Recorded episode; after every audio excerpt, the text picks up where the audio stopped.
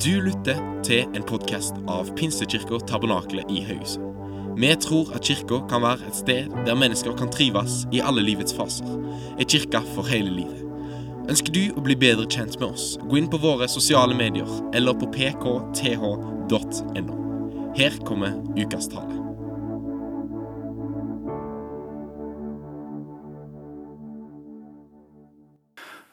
Sist så var vi i en synagoge sammen med Jesus hvor han har autoritet. Uh, Det er nesten en måned siden jeg prekte, så det er ikke sikkert at du husker hvor vi avsluttet sist. Men sist så var vi i synagogen, og Jesus sin, sine ord og sin undervisning det hadde en slik effekt at de la merke til at det var forskjell mellom de skriftlærde og det Jesus sa, og når Jesus underviste. det, Han snakket med autoritet, og det formidlet noe at, at ordene slo imot dem når de hørte Jesus sin undervisning. Men ikke bare hadde Jesus autoritet gjennom sin undervisning, men det var også en, en, en konfrontasjon mellom Guds rike og den åndes rike. Og en, en mann reagerte når Jesus var til stede, og det var en uren ånd som gjorde opprør når Jesus var til stede, og Jesus satte den urene ånden på plass, og mannen ble satt fri. Og etter dette så eh, er Jesus på besøk hos Peters svigermor. Det, er det, du følger litt teksten fra vers 22. Og Peters svigermor er syk, hun har feber. Jesus helbreder henne. Og så Etter dette så leser du at det riktes da om hva Jesus gjorde. og Folk kom fra mange forskjellige steder, alle, og dette var når solen holdt på å gå ned. Og alle som kom til Jesus, ble helbredet. Det er, det er sterkt å tenke på. Um, at alle sykdommer og alle som led med noe, som kom til Jesus når vi leser om det som skjedde i kapittel 1, alle ble helbredet. Og jeg tenkte på dette akkurat nå. At vi og ingen av oss kan love helbredelse når vi ber. Det kan vi ikke gjøre. Men vi kan be frimodige bønner. Og vi kan be frimodige bønner til en stor Gud som har kraft og evne og makt til å helbrede om noen er syk. Nå fikk jeg bønnebegjær um, om en mann som har fått kreft og skal følges litt opp i de nærmeste ukene. Og jeg tenkte det, da, da, tenkte jeg på, på, det hvor vi er i eh, denne teksten, og at vi kan be for han. Det er et bønnebegjær. og vi kan be for han, Men det er kanskje flere her som er syk. Du er syk sjøl. Eller du kjenner noen i din familie, din slekt, vennekrets som er syk. Det er ikke uvanlig at vi kjenner noen, flere av oss som er her. Men det er vidunderlig å vite. At, at vi har en vei å gå som er utover helsevesenet. Og vi takker Gud for helsevesenet. De gjør en fantastisk viktig jobb. Men vi kan gå til tronen. Vi kan gå til himmelens trone og vi kan be Jesus. Jesus, du som sier eller Ordet sier om deg at du er den samme i går og i dag til evig tid. Vi kan be at den samme Jesus som vi leser om i evangeliene, at Jesus kan også du helbrede denne mannen som har kreft. Kan du helbrede denne mannen med hjerteproblemer? Kan du helbrede denne, dette barnet som sliter med dette? Kan ikke vi gjøre det sammen? At vi tar et lite øyeblikk nå, så ber vi at legen Jesus, legenes lege, at han rører med han som jeg snakker om nå, men, men nevn for Herren nå de som du tenker på. Eller hvis du er syk her, legg hånden på deg sjøl. legg hånden på din kropp, der hvor du er syk. Og så skal vi be at Jesus også rører ved oss. Jesus, vi takker deg og vi priser deg. Takk for at du har autoritet. All makt er gitt til deg, og du har all makt mellom himmel og jord. Alt det vi ser, og alt det vi ikke ser. Alt det vi forstår, alt det vi ikke forstår. Og takker deg, Jesus, for at når vi leser om deg, så gikk du omkring, og du helbredet. Og du, du, du helbredet den, den, den, blinde, du helbredet den spedalske, du helbredet alle som kom til deg. Akkurat nå så løfter vi fram for deg denne mannen som har fått melding, informasjon, opplysning om at han har kreft. Takk, Jesus, for at ditt navn er over alle navn. Ditt navn er også over kreft. Og vi ber i Jesu navn, bli frisk. Vi løfter denne mannen opp til deg, og vi ber Jesus, må din, må din legedom og helse strømme gjennom hans kropp akkurat nå. Vi ber om gode nyheter, Herre. Vi ber at situasjonen vendes. Så ber jeg for deg iblant oss som er syke, Herre. Jeg ber akkurat nå, du Jesus, kom med, med din ånd og med ditt nærvær i salen akkurat nå. Du ser hver enkelte. Du ser de konkrete sykdommer som er iblant oss. Jesus, takk for at ingenting er umulig for deg. Ja, ingenting er umulig. Og vi ber i Jesu navn bli frisk. I Jesu navn ta imot Herrens legedom og helbredelse. Må Herrens ansikt lyse over deg. Må Herrens kraft berøre deg. Og de vi kjenner som er syke, Herre. Vær de nær med ditt nærvær, med din trøst, med din hjelp og med din nåde. Og om, om, om, du kan også komme med din hånd og legge din hånd på de Herre Jesus og helbrede dem. Og alle sammen sa Amen. Det, det, det, det er der Jesus var. Så han er på slutten av dagen. Han har vært i synagogen. Hans autoritet har blitt åpenbart. Han helbreder. Og selvfølgelig, Jesus han, han var på, liksom. Sant? Når du leser om Jesus sitt liv og Jesus sin tjeneste Jesus, Jesus var aktiv, han var til stede. Og hvis du har vært med og bedt for mange, og bedt for, bedt for, forskjellige mennesker, så vet du at du blir sliten. Det er jo ikke slik at uh, det er flott å be for folk, men du kan tenke deg hvis du skal be for 100, 200, 300, 400 Ikke vet jeg, men det er klart at Jesus ble sliten. Og hva gjorde Jesus når han var sliten? Jo, han trekker seg tilbake for å være alene med sin far i bønn. Eh, jeg skal ikke snakke om det, men det er vidunderlig å se og lære av Jesus.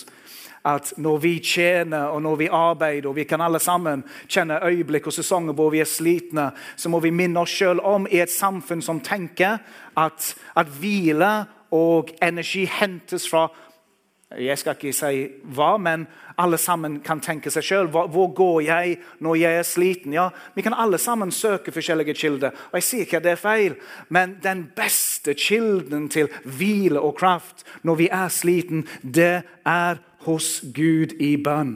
Det er å trekke seg tilbake fra liten og skjermene og inntrykkene og stemmene og det som du tenker kommer til å mette deg, men å vite det, at det som vil mette din sjel, det er fellesskapet med Gud. Kan jeg få en amen på det?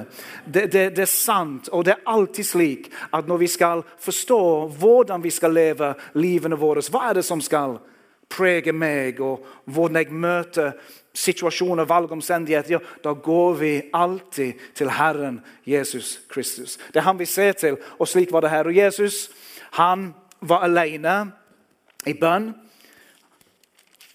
Han ba, han søkte Gud.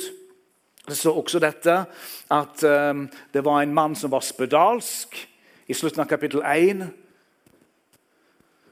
Den urene den som ingen ville ha noe med. Ingen ville være i nærheten av. Ofte spedalske på den tiden. De måtte gå med bjeller for å varsle at nå var de i nærheten. De var sett på som forbannet av Gud. Men nå kommer Jesus og rører med det som ikke skal røres med. Den uberørlige.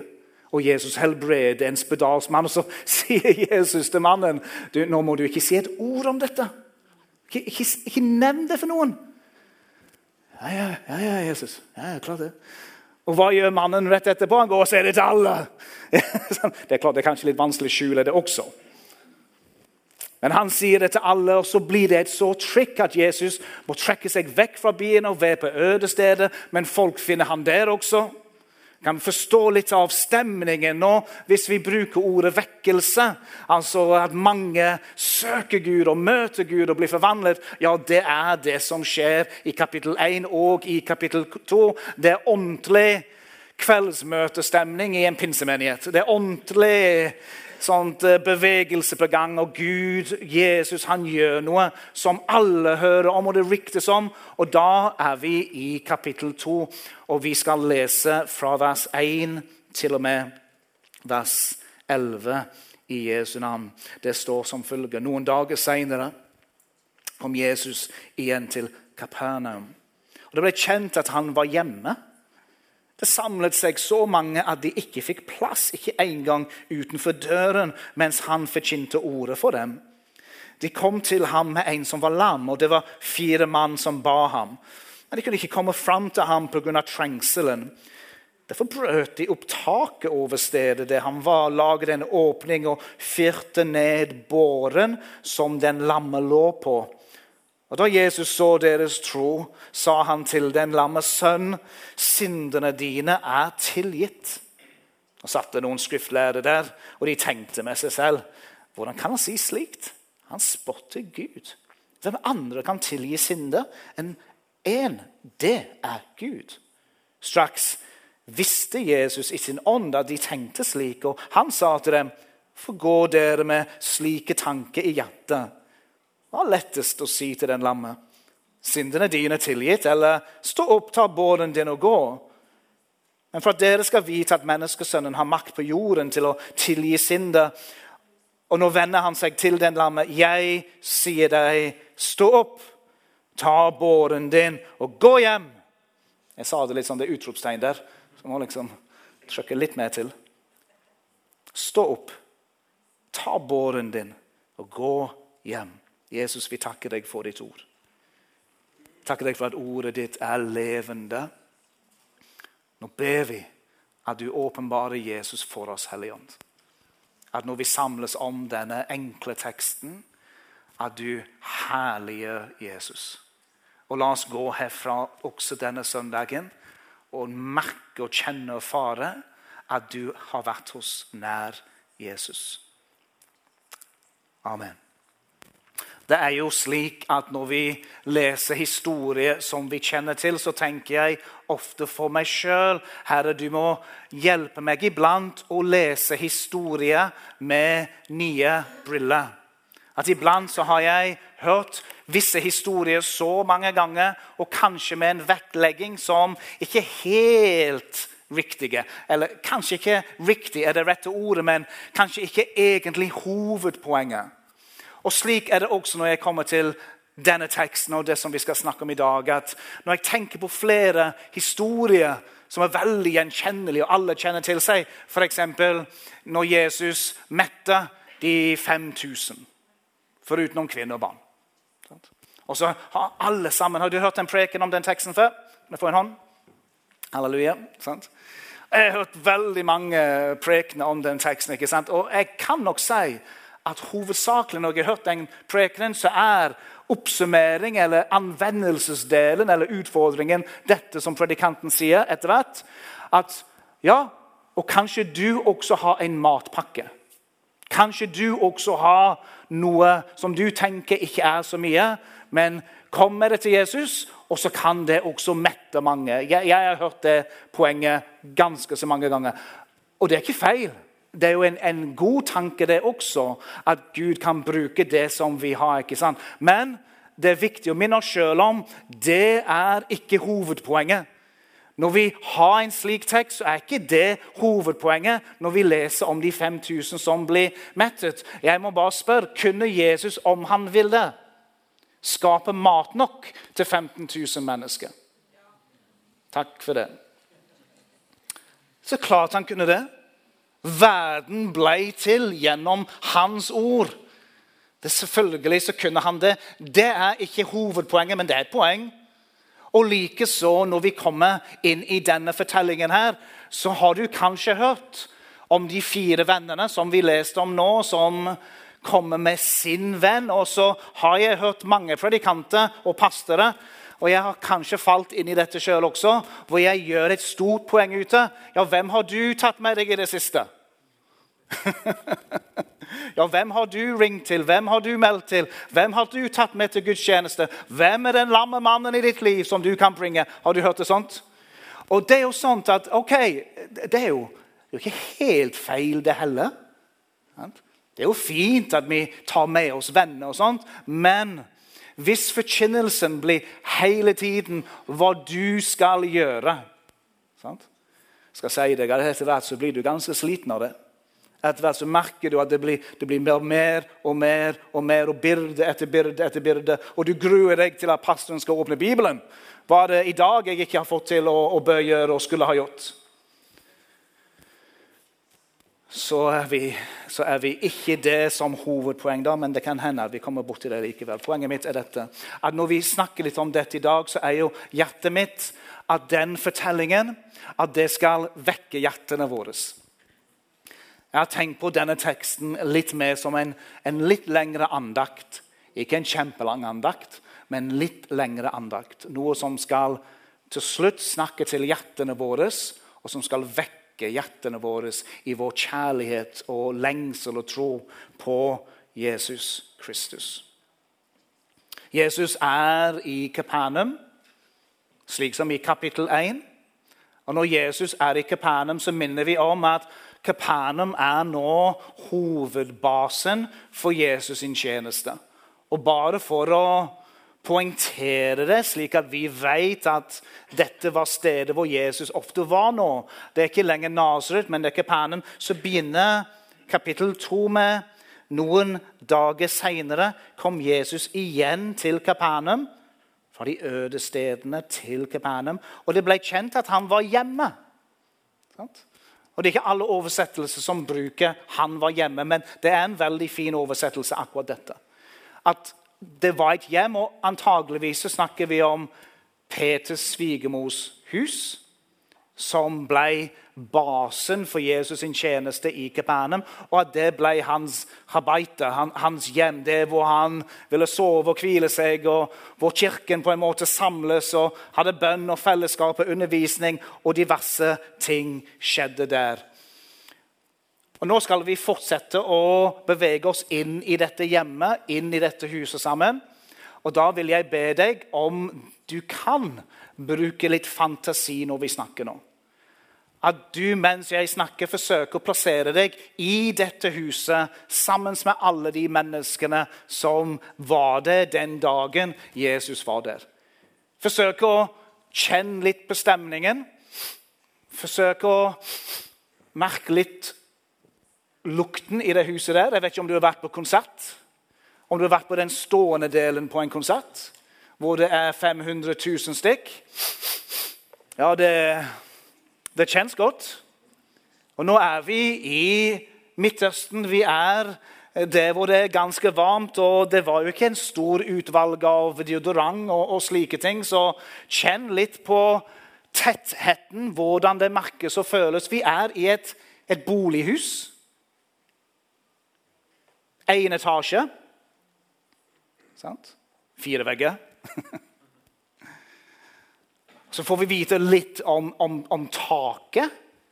Så det, det er én etasje, det er fire vegger, det er tak. Det er et flattak. Og takene ble bygget ikke som vi bygger takene våre, men de ble bygget med, med tre og med grener. Og, og, grenene ble på en måte strikket, vevd sammen for å skape at jeg tålte litt. Så lagt inn i blad og greier. Og, og så oppå det igjen så la de flere, flere mange centimeter med jord. Og trykket det hardt sammen, slik at varmen i den verdensdelen ville gjøre at jorden, leiren som de la på toppen av taket, det ville bli forherdet. Det ville herdes, det ville bli hardt. Det ville være slik at du kunne på en fin høstkveld, vårkveld, sommerkveld i Israel. Trekker deg opp på taket, for det er ganske varmt inne i huset på sommeren. ikke sant? Så du trekker deg opp på taket, og du tar deg litt mitzrimon, litt, uh, litt uh, granateplejus eller litt et eller annet. Jeg vet ikke jeg hva de drakk, men i alle fall, du er på taket i Midtøsten der, og da er du på dette herdet leiretak i dette huset i Kapernaum. Så der er Jesus. Og der har det kommet så mye folk. Det trykkes. Leter etter Det er ingen stol. Du er skulder ved skulder, foran, bak. Og så får vi vite at uh, da kommer det fire venner som har med seg antageligvis en venn som er lam. Fire venner med en venn som er lam. Og Når de kommer til huset, så forstår de fort at vi, vi kommer jo ikke inn. Uh, naturligvis. Hvis det er så mye folk at, at huset er stappfullt, og til og med utenfor huset, så er det mye folk, og de kommer med en venn på en båre, så skjønner de fort at vi har ikke rom. Hvordan, vi, hvordan klarer vi å komme oss inn? Og da måtte de finne på en løsning til å komme seg inn der hvor Jesus var. Og Da er det tydelig at vi har noen besluttsomme venner. det kan vi si.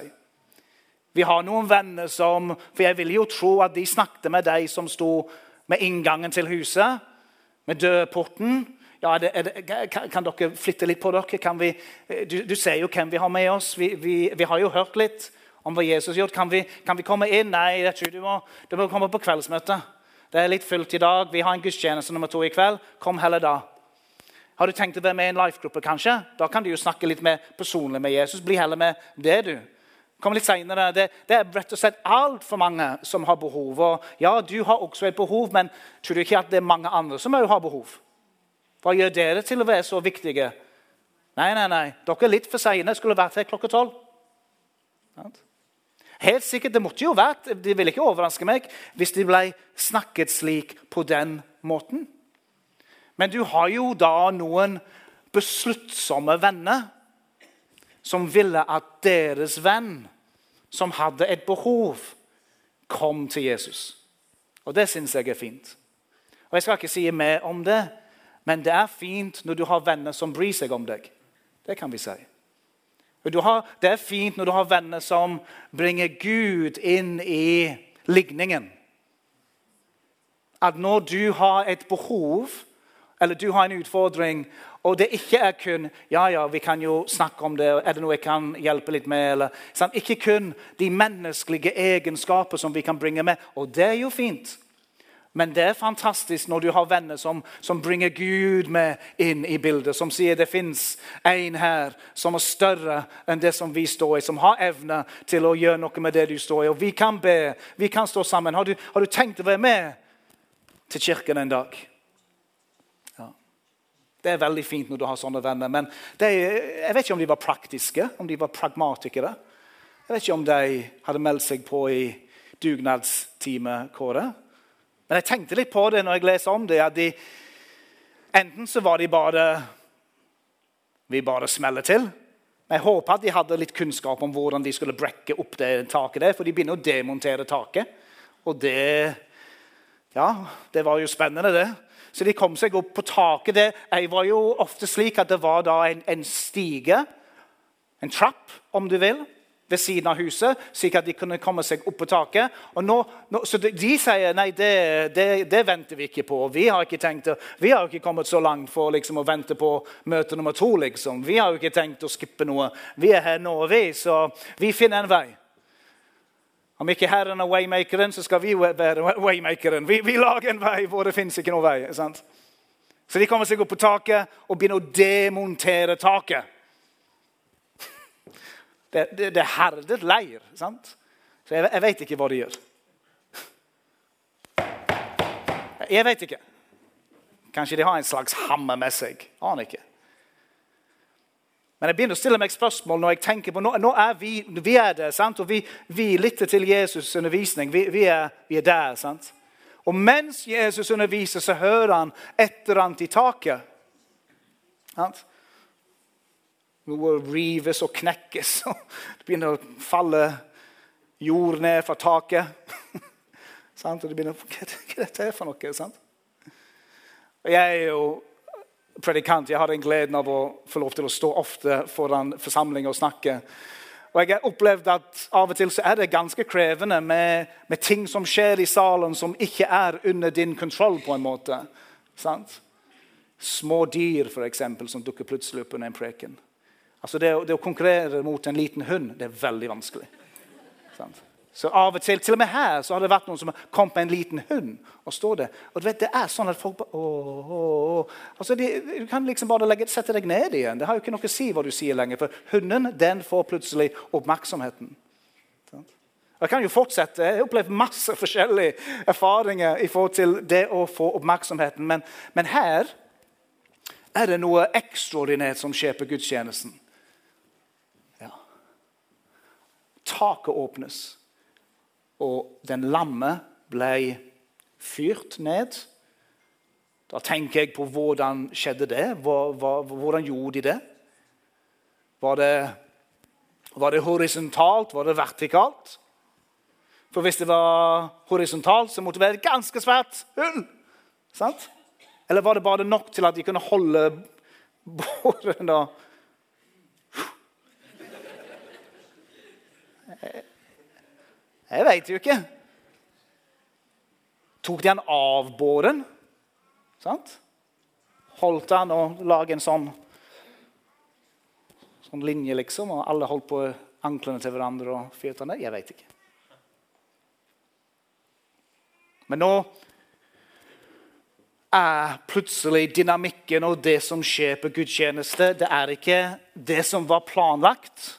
Plutselig så skjer det noe som ikke de hadde regnet med. Den lamme mannen er nå der. Mm. Og Jesus han blir begeistret for deres tro. Det er noen ting som begeistrer Jesus, og det er jo et mønster gjennom evangeliet. Det er noe som Jesus legger merke til, det er noe som, som trigger Jesus på en god måte. Og det er når mennesker vandrer og gjøre ting i tro. Og gjøre noe kanskje som ingen hadde regnet med, men ta et steg i det usynlige, om du vil, i det overnaturlige. Så vi, vi satser nå, vi. Vi vet ikke hvordan dette går, men vi tar et steg i tro. og det gjør de. Jesus ser det, han responderer på det, og så sier han 'sønn'. Det er jo fint. Det er jo nesten sånn eh, når du møter gamle i, i England så er det et sånt ord som man bruker ofte med, i besteforeldregenerasjonen. Sånn 'Gutten min. Sønn.' Sant? Og det er jo varmt. Sønn, dine synder er deg tilgitt. For en antiklimaks. Altså, jeg kan jo tenke meg Hvis jeg, jeg, jeg var en venn, da, og jeg har en som er ordentlig syk, og jeg slipper han ned for at han skal bli helbredet, og Jesus han sier 'dine synder er deg tilgitt'. Eh, da, da, begynner det liksom i mitt ho Jeg begynner å klø, liksom. Hva? Det var jo ikke derfor vi kom. det er jo ikke et usynlig svar vi er ute etter her. Vi ønsker et, et fysisk svar. Vi, det, mannen er jo lam, jo. Det, det, er greit, det, Jesus, med syndene tilgitt, liksom. Men det er jo ikke Come on, nå. Skjønner du at dette måtte vært en veldig antiklimaks for vennene, og kanskje til og med de som sto der og så på. Du er i, i salen, og så sier Jesus noe helt annet enn det du har regnet med. Men det var jo en annen gruppe som også var i huset sammen med deg, og det var de skriftlærde. Og når de skriftlærde hørte hva Jesus sa, ja, de reagerte øyeblikkelig. Hmm? De skjønte hva Jesus sa. De forsto, og det leser vi også her, at det er kun én som kan tilgi synd. Det er kun Gud som kan tilgi synd. Så det han sier nå, det er jo, det, det, det er jo blasfemi. Det, det, går ikke an. Det står der de, de, de, de tenker i sitt hjerte, de grubler. Sånn tenker på alt det de kan. Men det er jo riktig, det de tenker likevel. Selv om de er litt eh, jeg for meg, de er litt eh, grinete og litt sånn Men når de når de tenker på det Jesus sier, og deres konklusjon er helt rett. Det er kun Gud som kan tilgi sin. Hør nå. Det er mye flott som Jesus gjør. Sette mennesket fri. Lege den spedalske. Hjelpe svigermødre. Kan jeg få en halleluja fra svigermødrene her? Ikke alltid man føler seg populær, kanskje, men du er elsket av Gud.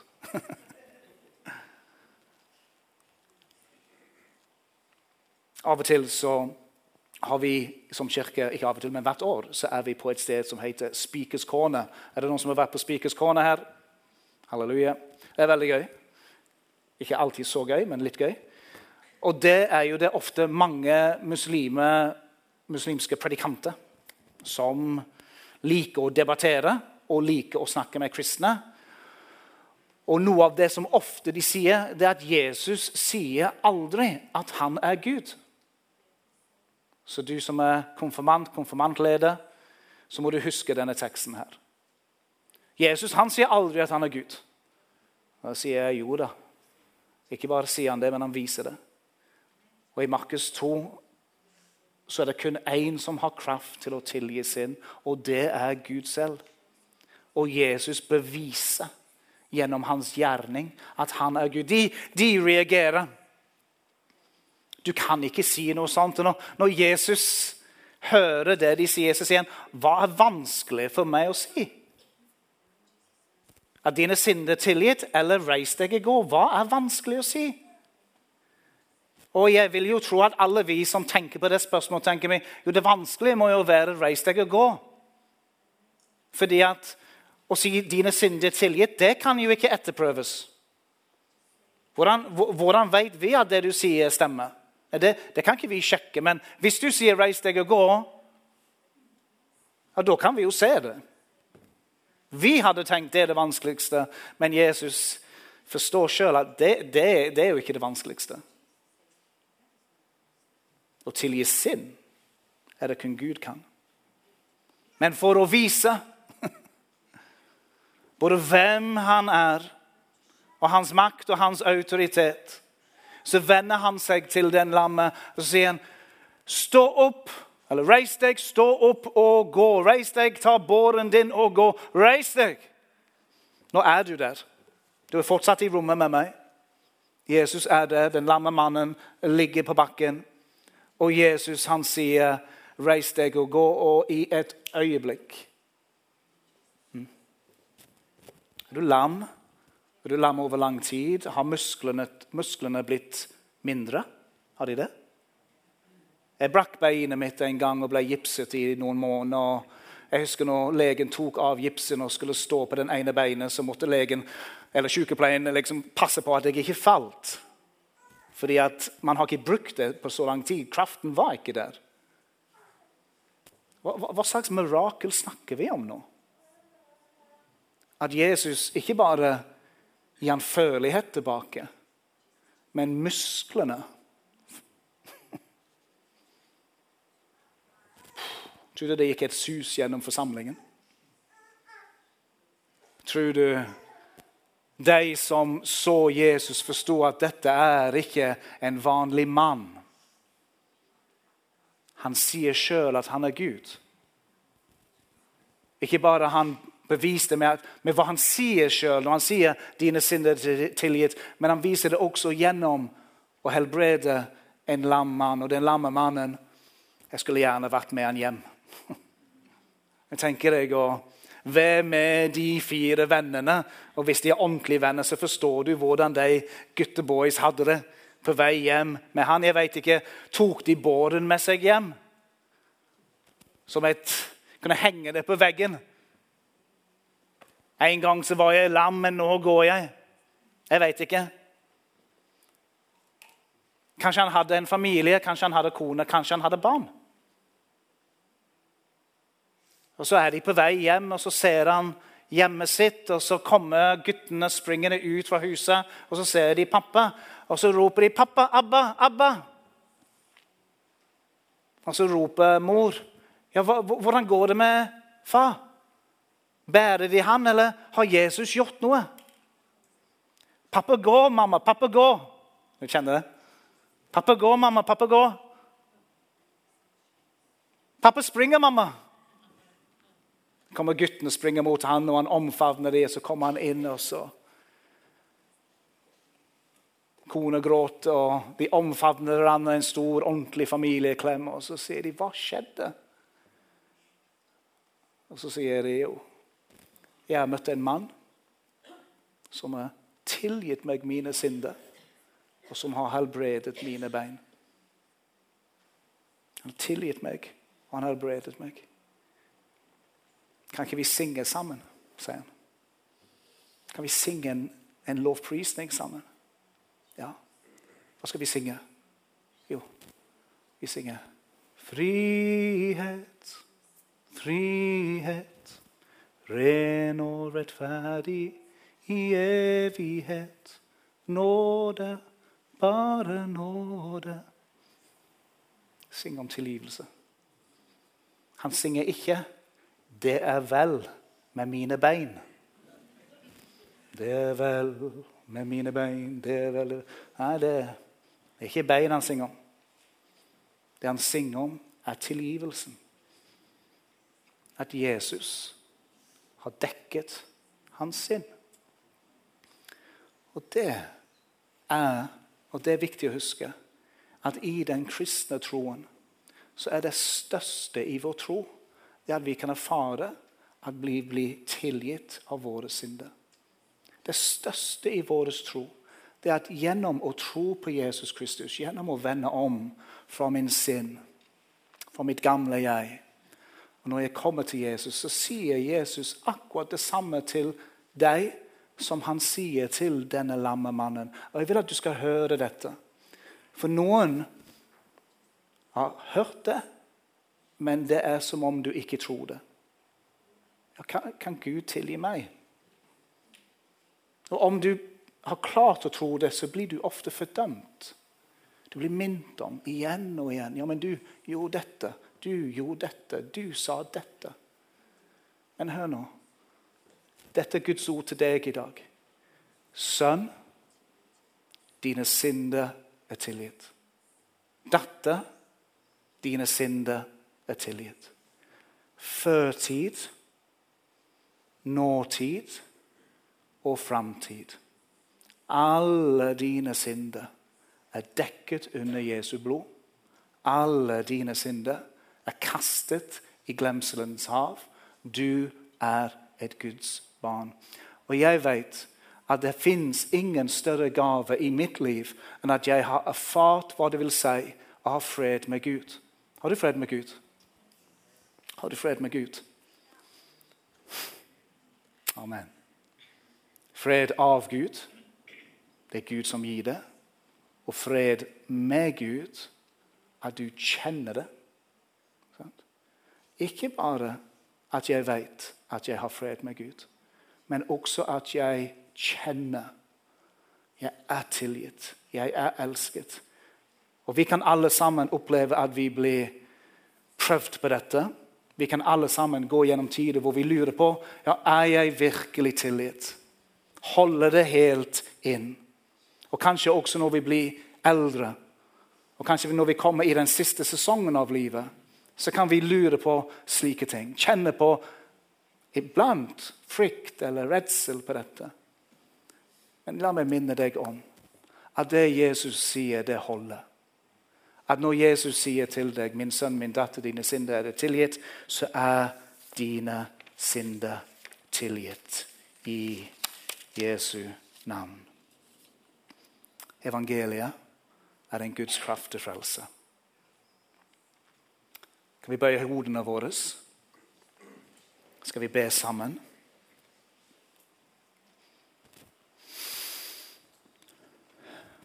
Herre Jesus, jeg priser ditt navn.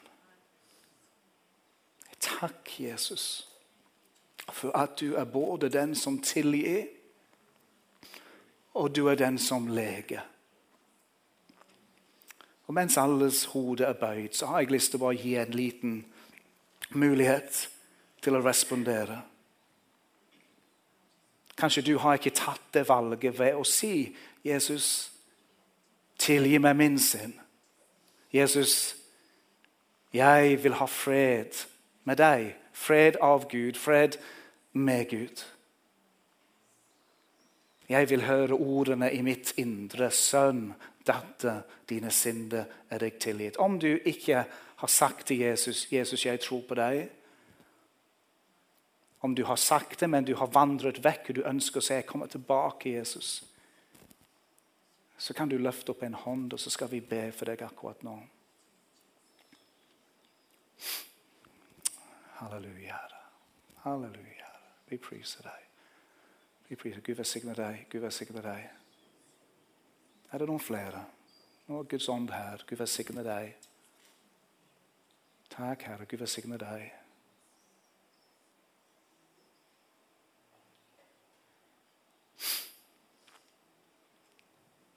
Takk for kraften i ditt blod, Jesus. Det dyrebare blod som renser all min skyld og skam. Som gir meg en ren samvittighet, slik at jeg kan komme frimodig framfor Gud. Jeg ber for de som responderte akkurat nå. Jeg ber at de skal kjenne at de er elsket, at de er tilgitt. La dette ordet, som du sier, Jesus, sønn, dine synder er tilgitt. Datter, dine synder er tilgitt. La det feste seg i deres hjerte og sinn. La de få akkurat nå freden fra Den hellige ånd. Fyll deres hjerte med din fred. La de få lov til å forlate huset her og kjenne gleden over å være tilgitt igjen. Og det er ingenting mer dyrebart, Herre. Vi elsker deg, vi priser deg, og vi ærer deg. Ta imot Herrens velsignelse. Herren velsigne deg og bevare deg. Herren la sitt ansikt lyse over deg og være deg nådig. Herren løfter sitt åsyn på deg og gi deg fred. Amen. Takk for at du lytta til vår podkast. Vi håper at undervisningen kan være til inspirasjon og hjelp inn i din livssituasjon. Du er hjertelig velkommen til møter i Pinsekirken Tabernakel Haugesund klokka tolv på søndager. Ha ei velsigna uke videre.